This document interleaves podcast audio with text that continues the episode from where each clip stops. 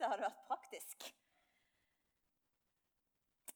Du, Vi er som sagt i en uh, serie um, som vi har kalt 'Gi Jesus videre'.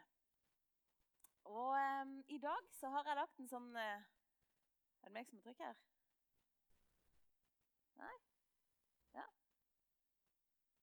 Hvordan uh, Altså, jeg, For du som er ny her, alle de andre vet det, jeg er ikke spesielt god med den. Men gi Jesus videre. Og i dag har jeg valgt å ha en undertittel som uh, som er um, 'Keep it simple'. Det kom en liten um, uh, Ja, du skjønner etter hvert. Men vi er så opptatt av uh, at vi skal gi Jesus videre. Og vi har snakket om altså De siste årene vi har snakka om å være sendt, vi har snakka om å være planta, vi har snakka om tro, vi har snakka om disippelliv, vi har snakka om vennskap. Uh, og jeg har fått beskjed om å si det, at, for det er det ikke alle som vet, at hvis du er veldig interessert i å høre på tale og lurer på hva slags forkynnelse det er her, så kan du gå inn på podkast eller på Spotify, så kan du høre til, til du sovner opp til flere ganger. Nå er vi altså i denne serien her, Gi Jesus videre. Og som jeg sa tidligere, så har vi et spesielt fokus på neste generasjon. Vi ønsker virkelig å løfte blikket på de som er ikke bare barn, men unge og studenter. Og så tenkte jeg at jeg, noe av det som har vært synlig i de forrige gudstjenestene så langt i høst, det er vitnesbyrd. Kanskje du har fått det med deg? Eh, første gudstjenesten vi hadde, da hadde vi besøk fra Jesu tid om noen vittne, eller av noen vitner som fortalte hvordan det var. Forrige gang så fortalte Bård sin troshistorie. I dag skal vi få en liten fortelling på film. Det er Emilie og Atle. De er fra Sandnes. Og ja, de forteller litt om seg sjøl. Eh, veldig lite erfaring med, med kristen tro. Eh, og, eh, og, har vært i en vennegjeng der vi har Jeg har eh, hatt eh, veldig lite erfaring med, med kristen tro. Eh, og, og, har vært i en vennegjeng der vi har, har snakka ned andre kristne. så det er vår historie.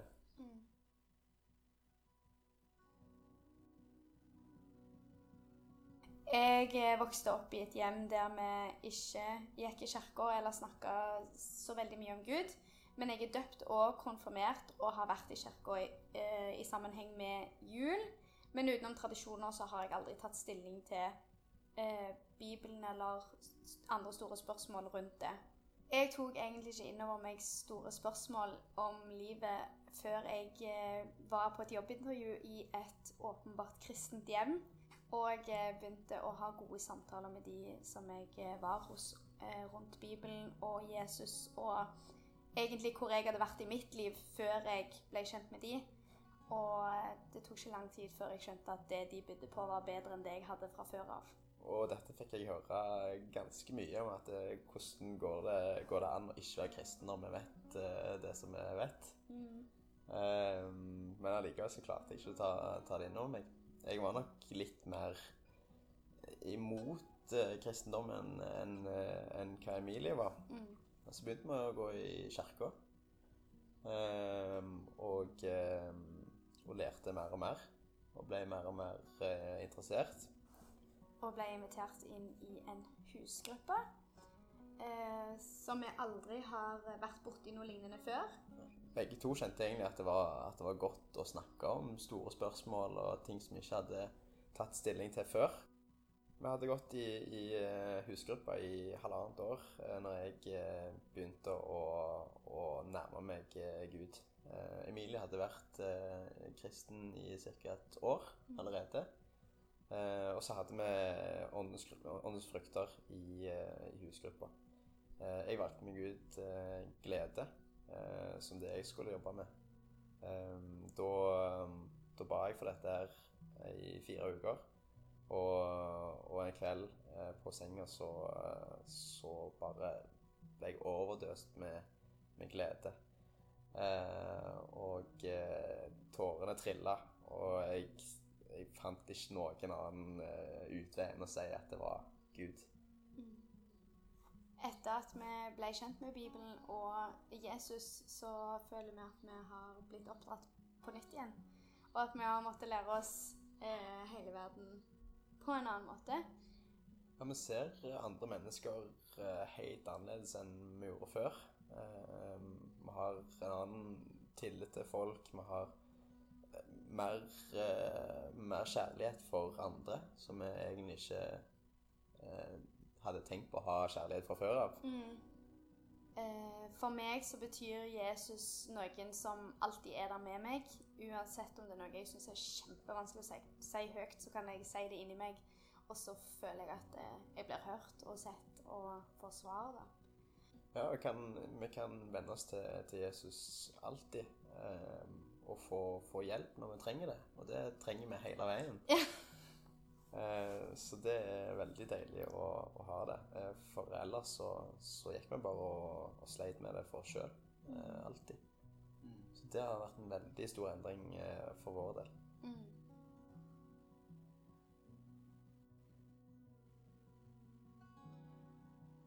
Jeg syns det er en helt fantastisk eh, fortelling. Og hvis du lurer på om dette er sant, så kan jeg bare bekrefte det. Jeg ble kjent med Emilie og Atle første gang i fjor. Da var de på Liv og vekst i sør. Eh, og da hadde de blitt foreldre eh, til en bitte liten skapning. Og de hadde med seg eh, eh, den og sov i telt. Ehm, jeg syns det er så sterkt, egentlig. Jeg synes det er så sterkt når Emilie sier at etter å bli en kristen, så ble hun oppdratt på nytt. Liksom og han sier for et større kjærlighet til mennesket. For noen eh, inviterte de inn, nemlig. Emilie begynte som dagmamma hos en som noen her kjenner, som heter Markus. Og der finner hun en barnebibel som hun begynner å lese. For denne ungen hun skal passe på. Og så leser hun den, og så blir hun nysgjerrig, og så blir hun invitert til måltid. Og så blir hun plutselig invitert inn i ei smågruppe, eller husgruppe, som de kaller det. da. Så blir hun invitert inn, og så ender det opp med dette. Og det som jeg synes, jeg tenkte på det, neste generasjon De har jo fått noen nydelige barn etter hvert. Atle og Emilie. Og nå skal de barna der de skal vokse opp med to foreldre som kjenner Jesus, som vet hva det betyr. Den forskjellen det betyr å leve med han. Og det som er helt sikkert, at Hvis vi skal nå neste generasjon Vi skal nå alle, så du trenger ikke å, hvis du forstyrrer deg, så kan du bare tenke ja, vi skal gi det videre. Men vi må i hvert fall investere i voksne mennesker. Vi skal investere masse i barn. Vi skal investere masse. Jeg håper at du er der at du lurer på hvordan du skal være med og hjelpe barn og unge å komme til tro. Men du har òg naboer, du har mennesker du kjenner, noen du studerer sammen med. En eller annen er i din omkrets. Og hvem vet hva som skjer hvis de får en invitasjon? Så hvordan skal vi gjøre det? Keep it simple. Husk det. Keep it simple. Og Jeg har tatt utgangspunkt i en tekst som er denne menighetens bibeltekst. For det er ikke sikkert alle er klar over det. At i denne menigheten så har vi én tekst som vi tenker at ja, for denne tiden så tror vi at denne teksten har noe eget å fortelle oss. Og det er fortellinga om Sakkeus. Vi skal lese den sammen. Det er fra Lukas 19. Han kom inn i Jeriko og dro gjennom byen. Der var det en mann som het Sakkeus. Han var overtoller og svært rik. Han ville gjerne se hvem Jesus var, men han kunne ikke komme til for folkemengden. For han var liten av vekst. Da løp han i forveien og klatra opp i et morbærtre for å se ham på et sted hvor han måtte komme forbi. Og Da Jesus kom dit, så han opp og sa til ham, 'Sakkeus, skynd deg, kom ned, for i dag må jeg ta inn hos deg.' Han skyndte seg da ned og tok imot ham med glede. Men alle som så det, murra og sa, 'Han har tatt inn hos en syndig mann.' Men Sakkeus sto fram og sa til Herren, 'Herre, halvparten av alt jeg eier, gir jeg til de fattige.' 'Og har jeg pressa penger av noen, skal de få firedobbelt igjen.' Da sa Jesus til ham, 'I dag er frelse kommet til dette huset.' For også han er en Abrahams sønn. For menneskesønnen er kommet for å lete etter de bortkomne og berge dem. Det er, det er utrolig mange ting vi kan snakke om når det gjelder Sakkeus-teksten. Og det har vi gjort, og det kommer vi til å gjøre. og Du kan som sagt gå inn på Spotify. I dag har jeg lyst til å si noe om at Jesus inviterer seg sjøl inn til Sakkeus. Det er jo ikke så veldig norsk å invitere seg sjøl inn til noen. Kan jeg få lov til å komme hjem til deg og få mat? Um, det driver vi ikke så mye med, men her gjør Jesus det. Og Han sier til Sakkeus du må skynde deg.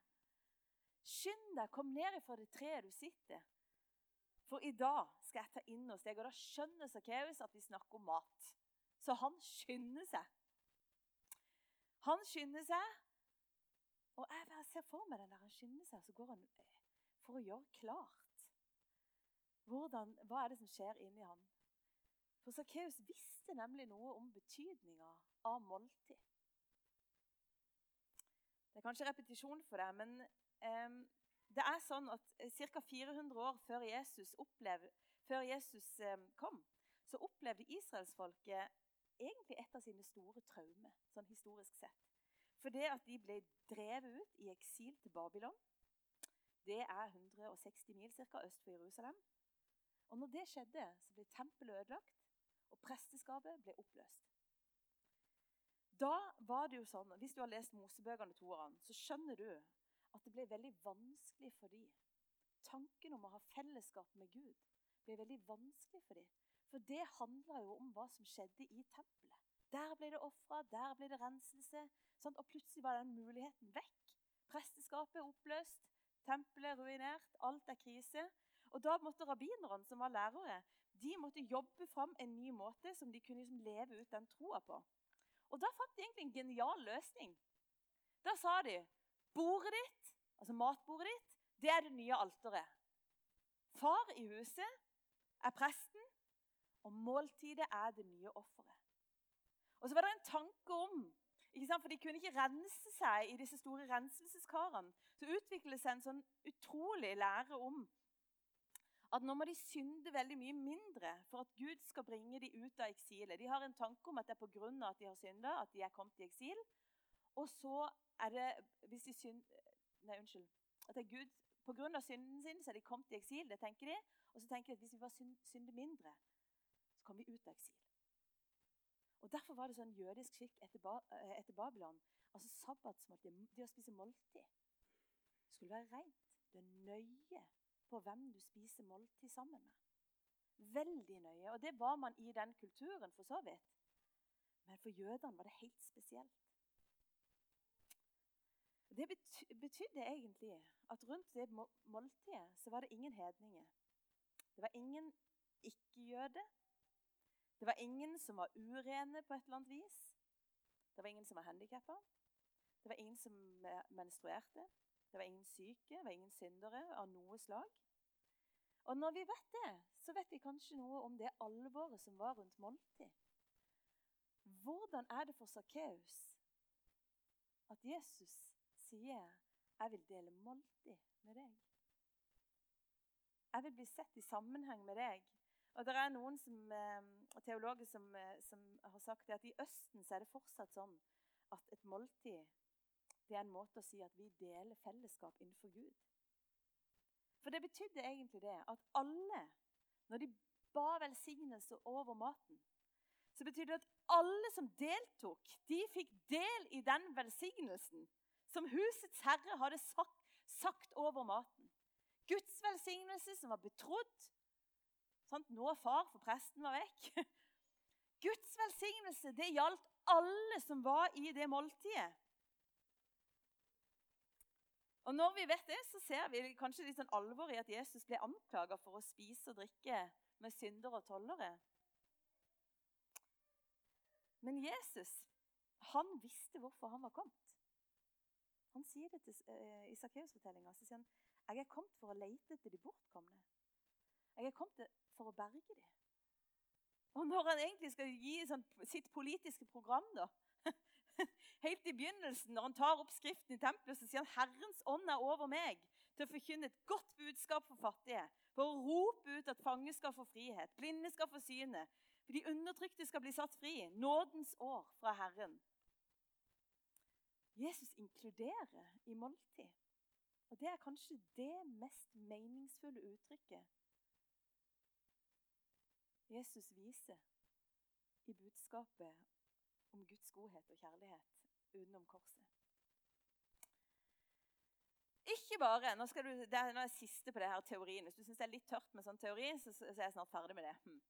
Men det er ikke bare sånn at Jesus forteller de han, han, spiser sammen med. Det er ikke sånn at han bare forteller dem at de hører til hos han. Han sier at de hører til hos Gud. De skal få del i velsignelsen. Men det at han har den frimodigheten, det sier jo òg at når han er til stede, da er forsoninga der. Da er det nemlig tilgivelse. Når han inkluderer alle disse menneskene rundt bordet, så gjør han det med en vanvittig frimodighet. Husk at resten av jødefolket er livredde for å ikke være reine nok. Og De er livredde for å ikke spise sammen med andre som er reine nok. Men Jesus vet jo hvem han er. Han vet jo at renheten kommer ved han. Tilgivelsen er ved han. Han er den som forløser velsignelsen. Og Derfor er det jo helt vilt at han bare inviterer 5000 menn og kvinner og barn til å stå i denne velsignelsen. Det er jo helt fantastisk. At han er hjemme og spiser hos alle mulige slags folk. Storretter og vindrikker. Det blir han kalt. Det er jo ikke en grunn at han blir kalt det. Tenk han inkluderer. Og Jesus inkluderer Sakkeus. Det er fint gjort. Jeg kjenner litt sånn der at uh, Det er litt sånn punk. Liksom, altså litt sånn der, uh, Kul du er. Henger med de. Litt sånn der, men det er jo helt vilt. Med våre øyne så er det liksom litt sånn rocka stil. Men i den tida det er, det er mind-blowing. Det er helt vilt. Helt vilt. Hva er det som er vilt for deg i dag? Hvem ville det vært vilt å invitere? Hvem hadde det vært helt vilt å spise sammen med? Jesus inkluderer Sakkeus. Hvorfor gjør han det? Det tenkte jeg litt på. Jeg tenker jo at det er noe med det at Jesus han vet om Sakkeus sin verdi. Han sier også han er en sønn av Abraham. Og Når han sier det, så sier han at han her òg har del i Guds løfte. Han er bare ramla litt utenfor, virker det som. Men han hører til. Jeg vet hvem han er. Han er en av de som Gud har utvalgt seg. Jesus kjenner Sakkeus sin verdi, og vi hadde Connect Pluss på fredag. Jeg fikk lov til å være med der. Jeg er ikke fast invitar, men jeg sniker meg inn av og til. Connect er ungdomsarbeidet, tenåringsarbeidet i, i uh, Frimisjonen. Og vi har Connect Pluss, det er liksom den disippelgjørende delen av Connect. Og da var temaet identitet i Kristus. Hvilken identitet har jeg? Og så snakker vi om det at det dypeste sannheten som finnes om deg, det er at du er elska av Gud. Den dypeste sannheten det er at han har regna med deg. Det er det dypeste, dypeste, dypeste. Og jeg har ei søster som har sagt noe veldig lurt. Jeg tror jeg har sagt det flere ganger her, men nå får du høre en gang til. Og hun sier når jeg vet at jeg er elska, så slapper jeg jo av. Så vi snakker om det på Connect Plus, om å øve seg i å finne verdien sin i Gud, i den identiteten. Kom og elsk meg, Gud. Kom og overbevis meg om at jeg er elska. Så kan jeg gå med senka skuldre. Og John William som sitter der han, Jeg outer deg ikke, jeg bare forteller. Men eh, han sa det så fint men når det gikk opp for han at Gud likte han jo. Da kunne han gå med lave skuldre, da. Om ikke han var en fotballgutt. Han er jo likt av universets herre. Og det er jo den der beskjeden til Sakkeus. Du har en uendelig verdi. Og han har gjort mye. Som, altså, hvis du kjenner det litt til, så er det liksom, Å være toller, da var du jo Judas. Opphøyd i Jeg vet ikke. Du stjal jo fra dine egne og var på fiendens parti og jeg vet ikke hva. Alt det her, altså Virkelig stappe penger i lomma fra fattige folk. Det var Elendig rykte på den gjengen der. Og så vet Jesus hvilken verdi han har. Derfor vil han spise med han. Og Vilde, som eh, jeg fikk lov til å si dette, men hun sa noe veldig fint. For det er helt sant, mange av oss var og så Jesus Revolution, spesielt på tirsdag. For det er mange fra Frimisjonen. Og så sa Ville at det var jo vittig, for eh, sånn, vi kom jo inn der, og så, vi kjente jo halve salen. De var en gjeng fra Connect. Og så sier hun Men jeg, at hun kunne merke det. Forskjellen i det hun gikk ut. For der inne så visste hun at de menneskene som er der, de kjenner min verdi. Det er Hvis du tror at du ikke har noe, så har jeg lyst til å minne om at Guds ånd bor i deg. Og at Vilde egentlig satt ord på det. For hun sier noe om at 'jeg merker det'. Jeg merker at det er noen som kjenner min verdi. For Jesus har planta et eller annet i hjertene til de andre som satt i den gjengen. der. Så når hun kom ut derifra, så er det et, det er et skifte som skjer. Jesus visste verdien til Sakkeus. Og fordi han visste hvem Sakkeus var, så visste han jo òg hvor han hørte hjemme. Du hører hjemme hos oss. Du hører hjemme i min flokk, i min gjeng. Du hører hjemme her. Og Da var det kanskje ikke så vanskelig for Jesus å si at jeg vil spise med deg. Jeg vet jo hvor du hører hjemme. Du hører hjemme hos meg. Og jeg tenker på Det det virker nesten som om Jesus har savna Sakkeus. I Guds sted så er det en beskjed om at Sakkeus, du er savna. Og da må jeg bare Jeg hadde en fin samtale med Soji her tidligere denne uka, hvor vi snakka om hvem er det vi savner når de ikke er her. Og så bare kjente jeg en sånn Det er noen jeg ikke har sett på kjempelenge. Jeg har ikke sendt dem en eneste melding. Jeg ble skamfull. Det jeg kjenne. Og det er, ikke, det er ikke så lett. Alle kan ikke gjøre alt, men alle kan gjøre noe. Og jeg, jeg ble så glad. Jeg var på Velkommen til Tromsø på Var ikke det òg på tirsdag? Nei, jeg husker ikke. Onsdag var det.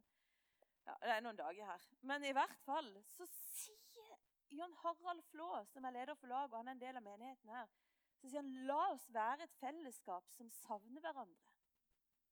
Når vi ikke, ser, når vi ikke har sett hverandre på en stund. Som bare sender melding og spør hvor er du La oss være et fellesskap som bare inviterer hverandre. For vi vet hverandre sin verdi. Det er ikke alltid vi ser det så godt. Vi kan bli fulle av egne tanker oppi her. Men du, du vet det at det å bli savna, det gjør noe med oss. Og Jesus han elsker Sakkeus. Det gjorde jo antageligvis ikke de andre. Det er noe som skjer når du har det høyt oppe. Når jeg har høyt oppe at jeg er elska, og lar Den hellige ånd gjøre noe med øynene mine, sånn at jeg ser hva de andre er verdt. Men da skjer det jo noe. Da skjer det jo noe inni meg. Jeg blir jo så glad når jeg ser folk. da, For det, er det er ikke sånn at jeg går og tenker å, du er veldig verdifull. Jeg bare kjenner det. Og jeg vet hvor du hører til. Vi hører til sammen. Og alt som er vanskelig innimellom der, at, skjønner du, alt som er vanskelig innimellom der, det kan vi finne ut av. Når kjærligheten blir sentrum, når det er det som fyller oss, som farger oss, som bare sprenger alle ideer Da skjer det en endring.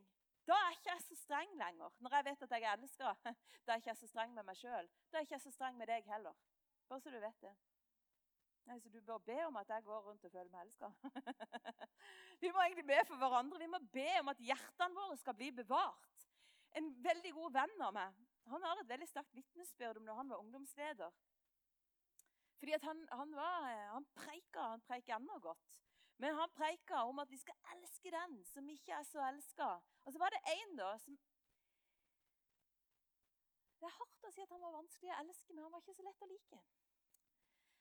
Eh, og så tok han liksom guttene for, seg og så prata liksom peptalk inn til denne guttegjengen. Så, nå skal dere huske at han er verdifull, og at han skal være, kjenne seg som en del av oss. Og liksom bare brrr, ja, ja, Vi inviterer han. Jeg er ledig i bilen min. Altså, skjønner du? Det blir jo ja, Sånn kan det òg føles. Og så kommer det en klok, ung tenåring bort til ham etterpå sier han eh, det er greit, den, vi trenger den utfordringa du gir oss. Det er helt sant. Vi må jobbe med hjertene våre. Men bare så du vet det. Jeg ser at du heller ikke elsker ham. Da skjedde det noe med min venn, for han skjønte at det var sant. Så så sa han til Gud Gud, her står jeg til du gir meg kjærlighet. Og da sto han. Her står jeg til du fyller hjertet med kjærlighet.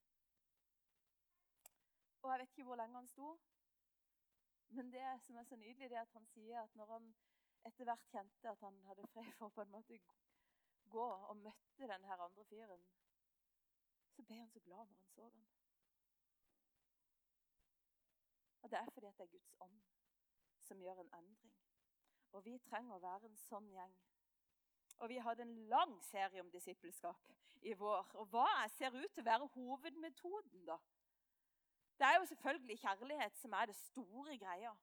Hvor Jesus er fylt av Guds ånd. Derfor kjenner han verdien. Derfor vet han hvor folk hører hjemme. Men hva er metoden? Det er jo mat. Kan vi få det enklere? Det er mat. Det kan alle få til. For det er ikke alle som liker verken å forkynne eller synge eller spikke eller hva det er for noe som man har som metode rundt forbi. Men noe mat Altså, I Lukas er det altså 50 referanser til måltid. I Matteus tror jeg det er over 90. Mat. Det er måltid. Det er å invitere noen inn et sted hvor vi spiser sammen. Og det store spørsmålet er meg, jeg må bare være veldig tydelig, det store spørsmålet er ikke hva skal du servere. Det store spørsmålet er hvem skal du invitere. Det er det store spørsmålet. Det står at vi skal legge vind på gjestfrihet. Kanskje er det sånn at du skal være en av de som bare i, på, i dag på kirkekaffen bare inkluderer noen. Kanskje det er noen som er ny. Ny i kirka. Kanskje det er noen du har sett her mange ganger du har ennå ikke hilst på dem. Kanskje det er noen som du sånn som meg burde ha savna, men de har ikke dukka opp her en eneste gang. Men nå kom du på hvem det var. Kanskje du skal sende en melding. Eller kanskje det er noen fremmede du skal gå til. Bibelen sier at vi skal legge vind på gjestfrihet, og det greske ordet er filoksenia. Det betyr vennskap med den fremmede. Kjærlighet og vennskap med den fremmede. Å inkludere den som ikke ennå er blitt sett her. Kan det bli lettere enn gjennom et måltid? Vi har lagt litt til rette for det gjennom vår menighet. Det, jeg, det, er, ikke alt, det er, ikke min idé, alt det her, så det kan jeg bare skryte av. Det er ei fengselsgruppe som stikker innom fengselet med pizza. Vi aner ikke betydninga av den fengselsgruppa. Å komme inn der og ta, ta seg tid, spise sammen, høre, lytte, dele ideer. Ja vel. Der hvor du er, der er Herrens ånd til stede aner ikke hvordan det oppleves å spise sammen med deg. Ja, Etter skoletid spiser vi alltid. Vi tror at det gjør en forskjell. Startpunkt. Jeg hadde en utrolig fin opplevelse på startpunkt. Jeg var så glad for at noen eh, hadde, Martha hadde invitert noen som eh, aldri hadde vært der før. Det var jo studentvenninne som inviterte meg hele kollektivet sitt. Og vips, så hadde vi noen utrolig fine samtaler, bl.a. om Gud. Ikke tro at det ikke betyr noe. Vi har hatt fellesskapsmiddag her, og vi skal fortsette denne høsten. Jeg var innom Kafé X, som er rett oppi her, denne uka. De spurte når vi starta opp igjen. Og du har en nabo. Du har noen du kjenner. Folk er sultne på ekte relasjoner. Å dele måltid og snakke sammen som folk.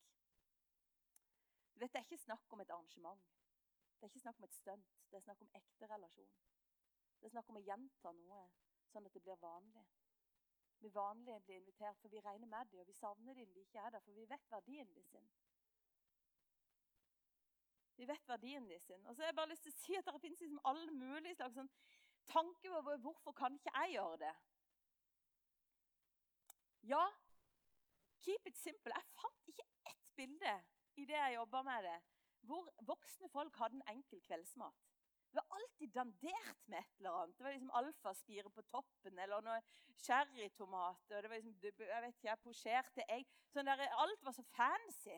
Så jeg måtte liksom gå til barna da, som vi kan lære noe. Kan vi bare keep it simple? Og hvis du er en av de som tenker ja, mat er blitt så dyrt, så skal jeg introdusere deg for enkel mat. Og billig mat, for denne kjøpte jeg på Coop Prix. Det er tomatsuppe til fire personer. Jeg vil si det er tre. Jeg syns alltid det er små porsjoner. Men den koster ti kroner. Det er ti kroner. Du kan ta den hvis du, kjenner, hvis du kjente at det var deg. Eh, men skjønner du? Vi må ikke jeg må bare si, det, det å invitere noen det, Du skal ikke underholde. Hvis jeg skal liksom, invitere noen på en fancy middag Det orker jeg. Jeg orker, orker kanskje gjøre en gang i året. For jeg, jeg, jeg, bruker masse tid på planlegging, blir bekymring. og liksom, Må jeg vaske hele huset? med alt det. Det er jo ikke sånn. Vi skal invitere til et liv sammen. Noe som er enkelt. Ja vel, jeg har ei skive her. Ja, jeg trenger ikke ta tre burritos i dag. De har Jeg kan ta to. Du kan få én. Nei, det var. Men skjønner, vi kan dele opp det vi har. Vi bare tar. Ja, ja, så har vi bare leverpostei her i huset. Vil du komme på kveldsmat? Vi har leverpostei. Hvor vanskelig skal vi gjøre det? Hvis du syns det er veldig vanskelig å invitere noen inn i huset ditt, kanskje du kan invitere noen på kaffe? På en kafé? Eller kanskje du kan benytte deg av det kirka faktisk har, for vi har masse anledninger til å spise sammen. Vi skal gi Jesus videre. Jeg tror det begynner ganske enkelt. Keep it simple. Vi har blitt folk som inviterer. Er det ikke sikkert, kan være at du tenkte å, var det bare det vi hører om i Frimisjonen? Ja, i dag er det bare det, og det er ikke bare bare. Tenk om alle her gjorde dette. Tenk om jeg gjorde det. Jeg må bare si, jeg snakker ikke bare til alle andre, jeg snakker veldig mye til meg sjøl her. Jeg har veldig mye til meg sjøl. For i, mens jeg har forberedt meg, så har jeg bare kommet på en haug av folk som jeg bare må skrive ned på listes. De skal bli invitert. De skal være med. Og det skal ikke være bare engangsstunt. Men jeg skal gjøre det ganske enkelt. Jeg kan gjøre det. Jeg har en time nå. Skal vi ta en kaffe? Vi trenger ikke bli sittende i fem. Det er greit, det. Jeg vet ikke hva som gjør at du svetter. Men tenk over det, og ta et oppgjør med det. For jeg ser bare så for meg jeg ser for meg at hele Tromsø blir invitert. Skjønner du? At hele Tromsø blir invitert. For hvis hele Tromsø blir invitert inn i Guds herlighet, hva skjer da? Hva skjer i Emilie og Atte sin liv? Emilie har nå begynt å studere teologi, for hun har lyst til bare å fortelle. Hun har lyst til å bli en forkynner. Aner ikke. Vi vet ikke hva som skjer når ungene de sine begynner på skolen og de begynner å invitere inn i det hjemmet der hvor Jesus er herre. Aner ikke. Jeg må sette retning for denne høsten. Jeg må rydde plass. For tid er en av de store greiene i mitt liv som gjør at jeg tenker at nei, det blir ikke noe mat. Men det blir det. Og det er meget mulig at det blir en tomatsuppe. Jeg tror at her har vi et oppdrag, og jeg tror at det skal bli en glede. Jeg har lyst til å avslutte med å si noe som er en av kirkefedrene, en som heter Evagrios. Han har sagt la oss ikke innbe andre som om vi gjorde de en tjeneste. Dette er ikke noe å rose seg av. Dette er ikke noe som jeg skal klappe Vi, kan, vi skal klappe som vi hedrer hverandre. Jeg har ingen problem med det. Men hør nå. Når Jesus inviterer deg, så er det fordi at han vet at du hører til hos ham. Og han vet at hans liv altså Det er det dypeste lengselen han har. Han har kontakt med sin dypeste lengsel, og han vet at det er deg. Så han har invitert deg til fellesskap. Jeg tror ikke at vi har kontakt med vår dypeste lengsel alltid. Jeg tror vi har kontakt med en haug av andre lengsler. Enten det, er, det kan være så mange ting. Men jeg tror at vår dypeste lengsel det er å komme i kontakt med alle de andre som vi hører sammen med i evigheten. Derfor tror jeg òg at når vi byr folk inn, så er det til vår glede. Jeg tror det er en måte å få del i gleden. En invitasjon, sier Eva Greos, det er en bønn. Og at den blir hørt, det er en gave. Ja? Jeg tar det som et tegn. For nå er jeg øyeblikk ferdig. Men jeg hadde bare lyst til å si det. Så heldige vi er som får lov til å sitte ned og dele liv. Og vi øver oss på å dele vitnesbyrd. Vi øver oss på å si at vi skal i kirka på søndag. Eller at Jesus fins, eller at du har opplevd noe rart eller noe fint. Vi øver oss på å lytte til hverandre. Jeg tror, jeg tror at hele Tromsø kan bli invitert Jeg. Jeg er så naiv. Men jeg tror ikke det er ikke sant. Jeg tror det. Ja, skal vi be. Kjære Jesus, takk for at du er her. Takk at du vet verdien av hver eneste en av oss. Og Derfor inviterer du oss alltid til måltid, Herre. Du inviterer oss alltid inn i din egen herlighet, inn i din kjærlighet, Herre. Hvor vi kan bli så fylt av overbevisning om at vi er elsket, at vi slapper av. Og vi kan elske hverandre Herre, gjør oss til et folk som inviterer. Gjør oss til et folk som innber andre. Herre, gi oss kjærlighet, den vi mangler. Gjør oss lik deg, Jesus. Hjelp oss til å gjøre det enkelt ved naturlige måltider og kaffeprat. Du må hjelpe oss, Herre. Det må du.